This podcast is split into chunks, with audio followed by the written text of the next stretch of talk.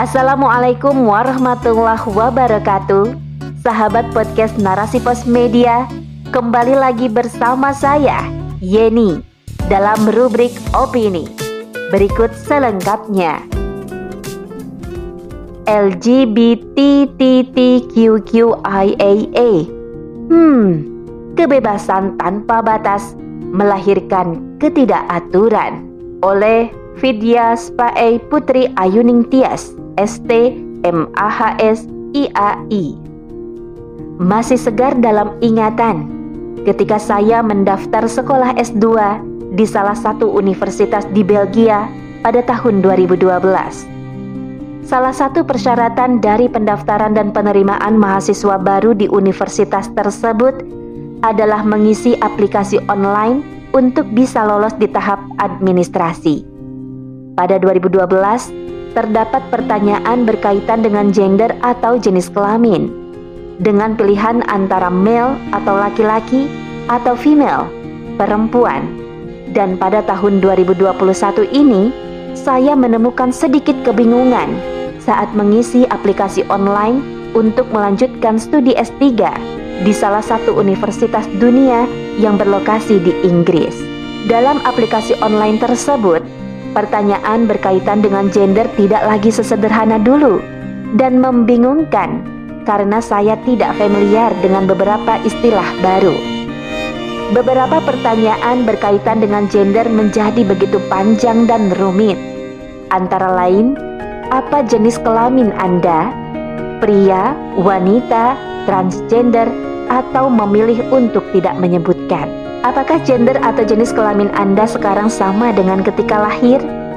Sama atau berbeda?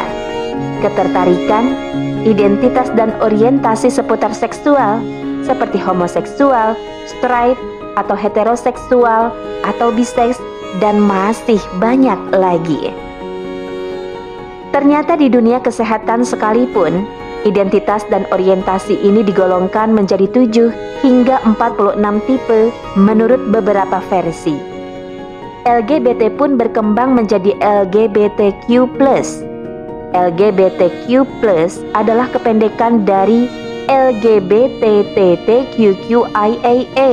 Hmm, lesbian, gay, biseksual, transgender, transseksual, two-spirit, queer, questioning, intersex, aseksual, eli, plus panseksual, plus agender, plus gender varian, plus pangender.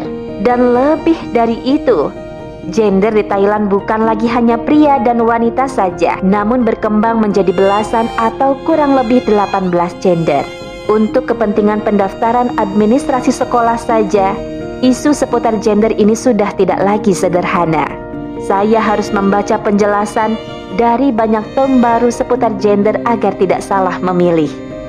Dan saya tidak membayangkan betapa rumitnya isu ini jika ditarik ke kehidupan sehari-hari.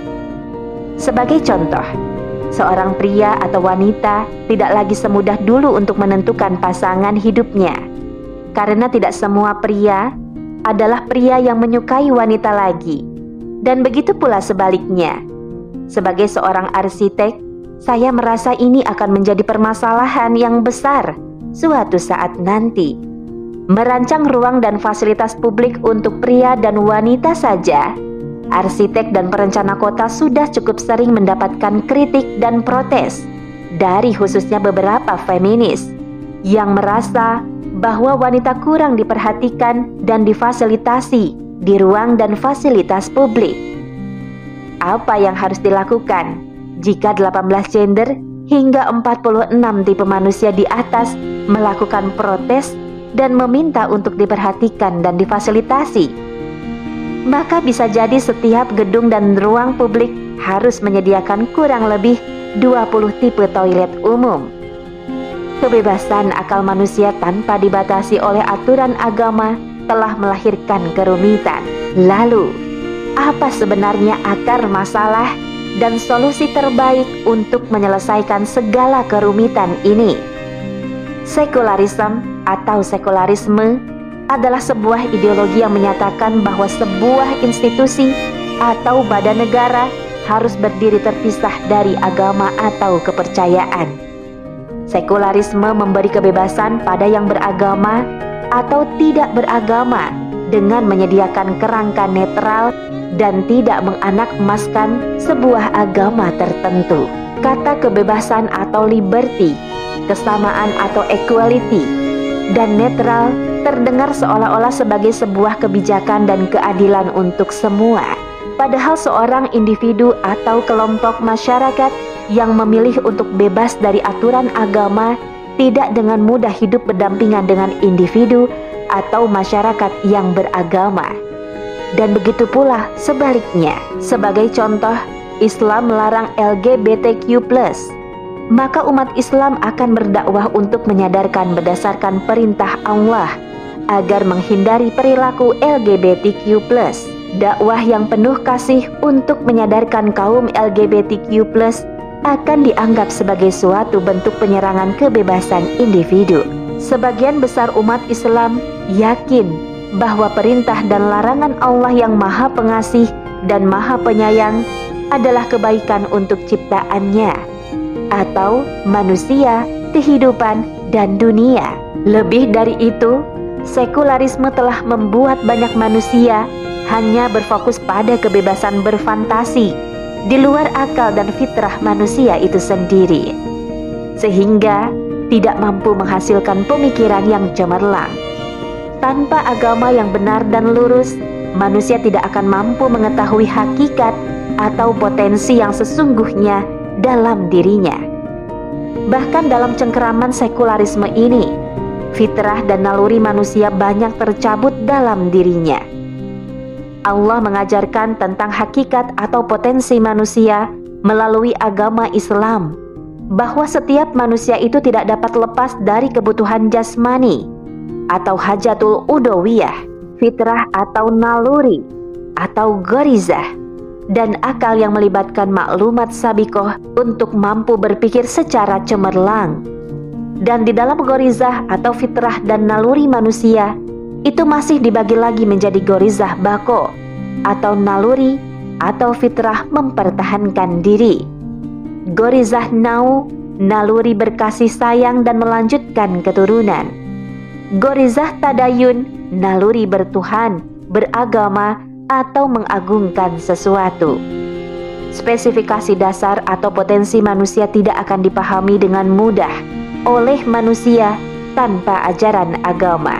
Dan lebih dari itu, berpikir dengan mengedepankan akal saja tidak cukup, karena akal dapat membuat manusia lebih tinggi, cerdas, dan bijak sekaligus lebih rendah, bodoh, dan buas daripada binatang.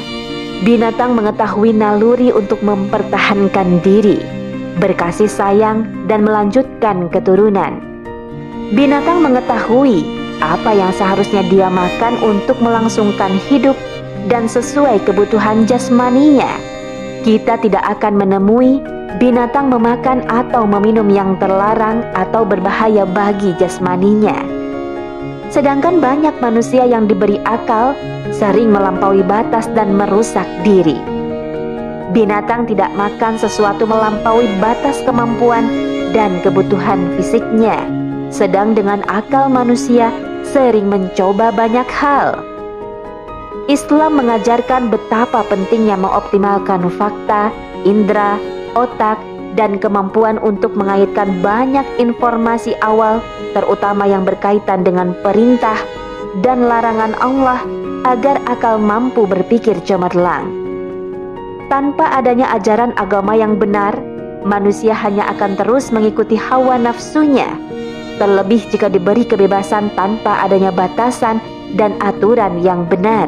Sungguh, kamu telah melampiaskan syahwatmu kepada sesama lelaki, bukan kepada perempuan. Maka benar-benar kamu yang melampaui batas. Terjemah Quran Surat Al-A'raf ayat 81 Sering beberapa orang beranggapan bahwa LGBT double QIAA adalah fitrah yang dibawa dari lahir dan menyalahkan Sang Pencipta dalam menciptakan manusia. Semua ini terjadi bukan atas kehendak Sang Pencipta, melainkan kesalahan manusia itu sendiri yang menginginkan kehidupan yang sebebas-bebasnya, secara tidak sadar menuhankan akalnya sendiri dan memisahkan diri dari aturan agama. Dan hal ini semakin memperkuat bahwa dampak pemisahan kehidupan beragama dan bernegara akan menjauhkan manusia dari fitrah kebutuhan dan penciptaan manusia itu sendiri. Kebebasan yang hampir tanpa batas dan pemikiran dangkal dari negara yang menganut ideologi sekularisme telah banyak membiarkan banyak cerita, film, novel, propaganda, gerakan, dan agenda yang didanai cukup besar semakin luas pengaruhnya ke banyak pelosok dunia dan semakin besar dampaknya terhadap lahirnya kerumitan masalah dan kerusakan tatanan bumi. Wahai manusia, sungguh kami telah menciptakan kamu dari seorang laki-laki dan seorang perempuan. Kemudian kami jadikan kamu berbangsa-bangsa dan bersuku-suku agar kamu saling mengenal. Sesungguhnya yang paling mulia di antara kamu di sisi Allah ialah orang yang paling bertakwa. Sungguh, Allah Maha Mengetahui, Maha Teliti.